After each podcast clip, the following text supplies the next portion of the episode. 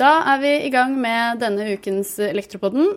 Jeg heter Marie Kolderup og har som vanlig min kollega Jon Steinar Sjøvik Hanstad ved min side. Hallo. Hallo. I dag så har vi fått besøk av Ragnhild Bjelland Hanley, som er seniorrådgiver i Norges Vel. Velkommen, Ragnhild. Tusen takk. Først og fremst, eh, Ragnhild. Grunnen til at vi har invitert deg hit i dag, det er jo fordi at vi har en eh, satsing gående i Nelfo på sol og lagring i landbruket. Eh, og for mange så vil det kanskje ikke være en selvfølge at det er noe som Norges Vel faktisk jobber med. For Norges Vel høres jo stort og flott og veldig bredt ut, spør du meg. Så jeg tenkte kanskje vi kunne begynne med at du kunne fortelle litt om hva Norges Vel er, og på hvilken måte dere jobber med solceller i landbruket. Mm, det kan jeg gjøre. Jeg skjønner at, eh, at, navnet kan kanskje virke litt eh, forvirrende. Eh, vi er jo en veldig gammel organisasjon, over 200 år gammel. Slik at, at dette her er, en, slett en gammel organisasjon. Vi er en ideell organisasjon. Og vi jobber primært da med, med lokal næringsutvikling. Slik at vi er opptatt av at man skal utnytte lokale ressurser Eh, og vi er opptatt av at verdiskapingen òg skal ende opp i lokalsamfunn rundt forbi i Norge, eh, men også internasjonalt. Vi har prosjekter f.eks. i Afrika også. Eh, og dette her med fornybar energi det er jo i høyeste grad handler jo om, om å utnytte lokale ressurser. Um, og vi har hatt fokus på det over ganske mange år. Det starta vel opprinnelig med, med, et fokus på bioenergi, uh, men i det siste så har vi hatt et større og større fokus på, på lokal strømproduksjon. Da. Og særlig dette her med, med, bruk av solenergi i landbruket. Mm. Når du sier ideell, hva betyr det? Det betyr at uh, vi er ikke opptatt av å skape profitt for oss, uh, for oss sjøl som, som, organisasjon, men vi er veldig opptatt av som sagt, den lokale verdiskapingen. Da. Det med å utvikle organisasjoner, entreprenører lokalt, og få til den lokale verdiskapingen. Mm. Det blir kortreist økologisk eh, strøm som du kan selge til Norge? ja, absolutt. Passer, passer, veldig godt inn med på at Norges Vel sitt etos, for å si det sånn. Ikke sant? Men er Norges Vel statlig? Eh, nei, det er vi nei. ikke. Nei. Eh, så Vi er også en, en medlemsorganisasjon, så vi, vi har jo en del, eh, en del, medlemmer innenfor eh, primærnæringene, først og fremst. da. Type en del av de store samvirkene i landbruket, f.eks. Mm. Men vi, vi er åpne for alle. Vi er åpne for organisasjoner, enkeltpersoner, alle på en måte som er opptatt av nettopp den der lokale og bærekraftige verdiskapingen. Mm. For jeg tenkte liksom på Et vel er jo ofte sånn i, i nabolaget, liksom. Så det blir på en måte et, et hele Norges vel, faktisk, som det ja. navnet tilsier. ja, og for de som er historieinteressert, så kan jeg absolutt anbefale å gå inn og lese seg opp litt på historien til Norges vel, for vi har vært med på veldig mye spennende gjennom disse her 100 årene. Mm. Men jeg så at jeg så på hjemmesiden deres Kongen er involvert på en eller annen måte, stemmer det? Ja, eh, fordi eh, det enda lengre navnet her er jo faktisk eh, Det kongelige selskap for Norges vel. Eh, ja. Slik at det er dronningen som er vår såkalt høye beskytter. Ok, mm. kult. Ja, det er Veldig kult. Hvem er vår høye beskytter i Nelfo, Marie? Vi må få oss en sånn høy beskytter, vi òg. Skulle hatt en egen konge. ja, det er, å ta en sånn privat baron. Sånn, Men ja, ok. Så solceller i landbruket er da en av de tingene som faller under deres eh, store paraply, da. Eh, mm. Men, men hvorfor akkurat solceller i landbruket?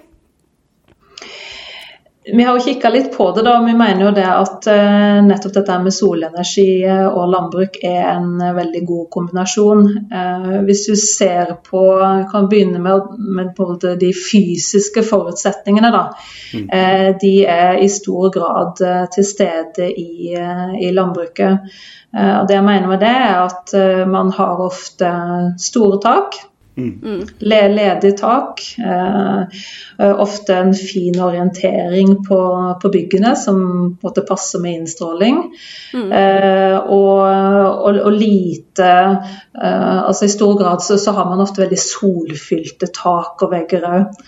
Mm. Uh, og selvfølgelig når man er litt mer uh, ute i, i, landlige strøk, så, så, slipper man jo i stor grad å måtte bekymre seg f.eks. For, for at det plutselig kommer opp et, uh, et høyt bygg som, som, skygger for taket, den type ting. Mm. Slik at det, De rent sånn fysiske forutsetningene vil jo vi påstå i stor grad er til stede for veldig mange gårdbrukere. da. Mm. Um, og I tillegg til det så er en annen uh, viktig forutsetning på plass. og Det er det at uh, en del bønder har uh, et energiforbruk. Mm. Et ganske høyt energiforbruk i sommerhalvåret. Mm. Det er klart at det er positivt med tanke på med produksjon fra, fra solceller, da, som jo er, selvfølgelig er høyest i sommerhalvåret. Så når man tar de forutsetningene der, så, så mener man at man har en, en, form for totalpakke da, som gjør at det rett og slett makes sense da, med solenergi i, i landbruket. Mm.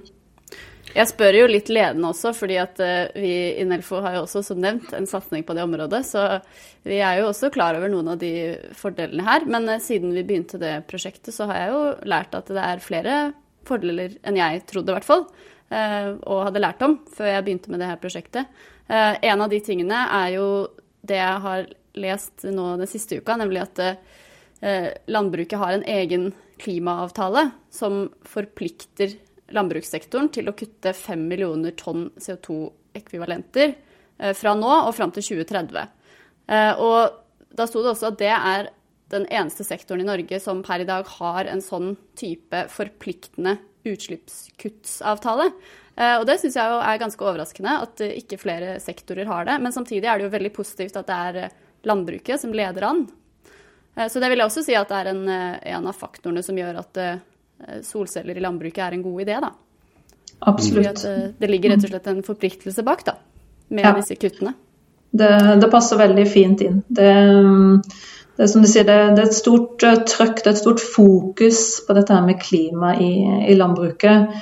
Eh, de har en veldig brei tilnærming til hvordan de skal, eh, skal, jobbe med det landbruket. Så det er klart at det er mange andre områder man, man jobber med innenfor klima i landbruket. Men akkurat dette med fossil, fossilfri oppvarming, eh, fossilfri maskinpark, det er blant de satsingsområdene som man finner igjen under klimajobbingen i landbruket. Så absolutt solceller passer veldig fint inn sånn sett. Jeg var inne og kikka på SSB sine sider i går, altså Statistisk sentralbyrå, og kjøretøysregisteret. Og så tok ja. jeg ut bilparken etter drivstoff. Og til min store overraskelse, sånn midt på lista, så finner jeg traktorer. Ja. Og vet dere hvor mange fullt elektriske traktorer vi har i Norge? Nei. Oi, det ville jeg tippe var nesten null. Eh, ja, det trodde jeg òg. Vi har null hybridtraktorer, men vi har 113 elektriske traktorer i Norge. Hæ? Ja, yes. det syns jeg var veldig, veldig kult, egentlig. Det er overraskende. Ja, nå ble jeg litt overraska. Ja. og Så er det jo spørsmål da, om det er noen som har en sånn enormt stor vinneren-geit. Eh, sånn elektrisk gressklipper som er så stor at den blir eh, elektrisk traktor etter eller annet sånt og står i kjøretøysregisteret. Men er, jeg regner ikke med det. Jeg regner med at det da er fullt elektriske traktor, rett og slett. Det syns jeg er ja. kult. Ja, for det trodde jeg var mye lenger fram i tid. Mm. Men eh, det er nok eh, Ja, nei, altså jeg tror nok eh, det begynner å komme, og jeg vet at det er mange som er interessert. Eh, så, så, spørsmålet handler vel både litt om hvor langt selvfølgelig teknologien har kommet, men ikke minst hvor, hvor prislappen ja. hva den er på disse her. Ja. Det er klart. Jeg snakka med en bonde her for noen uker siden. For jeg har jo intervjua en del eh, installatører og bønder i forbindelse med dette prosjektet. Eh, og da var det en bonde som sa det at hans eh, drøm for de neste ti åra, det var å få en tractor to grid. Ja. Og det syns jeg var så kult. altså bruke traktoren som batteri? Ja, rett og slett. Ja, så, så har han da solceller og batteri fra før faktisk også, da. Men at han da i tillegg kan koble traktoren på og mate ut. Både lade opp traktoren fra solcellene og lade ut traktoren til nettet når det trengs. For han, gården hans var jo ganske langt ute på nettet, så det var svakt. Svakt nett, som vi mm. kaller det. Så da vil jo det være en vinn-vinn-situasjon for uh, nettselskapet. Så det er jo også en, en, en faktor da, som vi ikke nevnte i stad, men det med at gårder er ofte eh, i områder hvor nettet kan være svakt. Sånn at både nettselskap og en gård kan jo vinne på å installere et solcelleanlegg og et batteri, f.eks. Mm.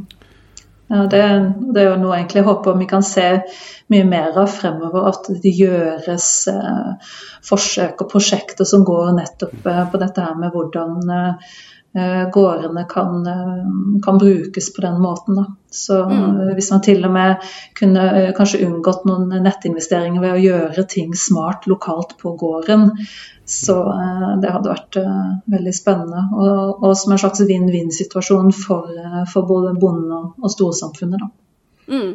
Så Nei, men jeg bare plukker litt opp på det, på det du sa, Marie. Du, du har snakka med litt bønder. Et av de prosjektene vi holder på med nå, som er et uh, prosjekt som uh, støttes av Landbruksdirektoratet, det er nettopp det dette om å snakke med, med, bønder og samle inn og systematisere deres erfaringer med strømproduserende anlegg på gården. Um, og Da blir det jo en del solcelleanlegg, men vi har jo snakka med, med, folk som har vindturbin, som har CHP-maskin, som ja, Vi har ikke fått snakka med noen med mikrokraftverk ennå. altså Hydro, men det skal vi få gjort. Um, og det som er det som slår meg, da, er at det er, det er ganske mange bønder der ute som er, som er rimelig fremoverlente, nysgjerrige, interesserte. Mm. Um, så det, det, er en ganske interessant uh, gjeng med folk å, å prate med, da.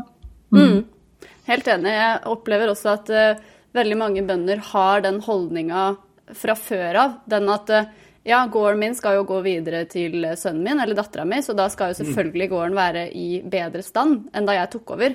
Og det er jo på en måte hele bærekraftsprinsippet. Så da er det jo ganske sånn naturlig å putte inn fornybar energi som en del av det, da. Så den tankegangen er der liksom fra start. Og da blir jo solceller etter hvert forhåpentligvis en naturlig del av det, da.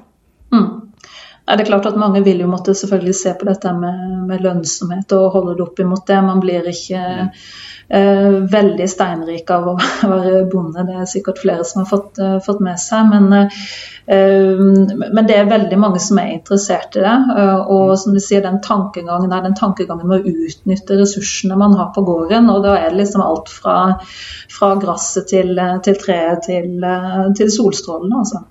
Mm. Og det kan jo være at eh, vedkommende som skal overta gården, kanskje blir enda mer interessert fordi at man nettopp driver produksjon av strøm på gården, altså lokal produksjon.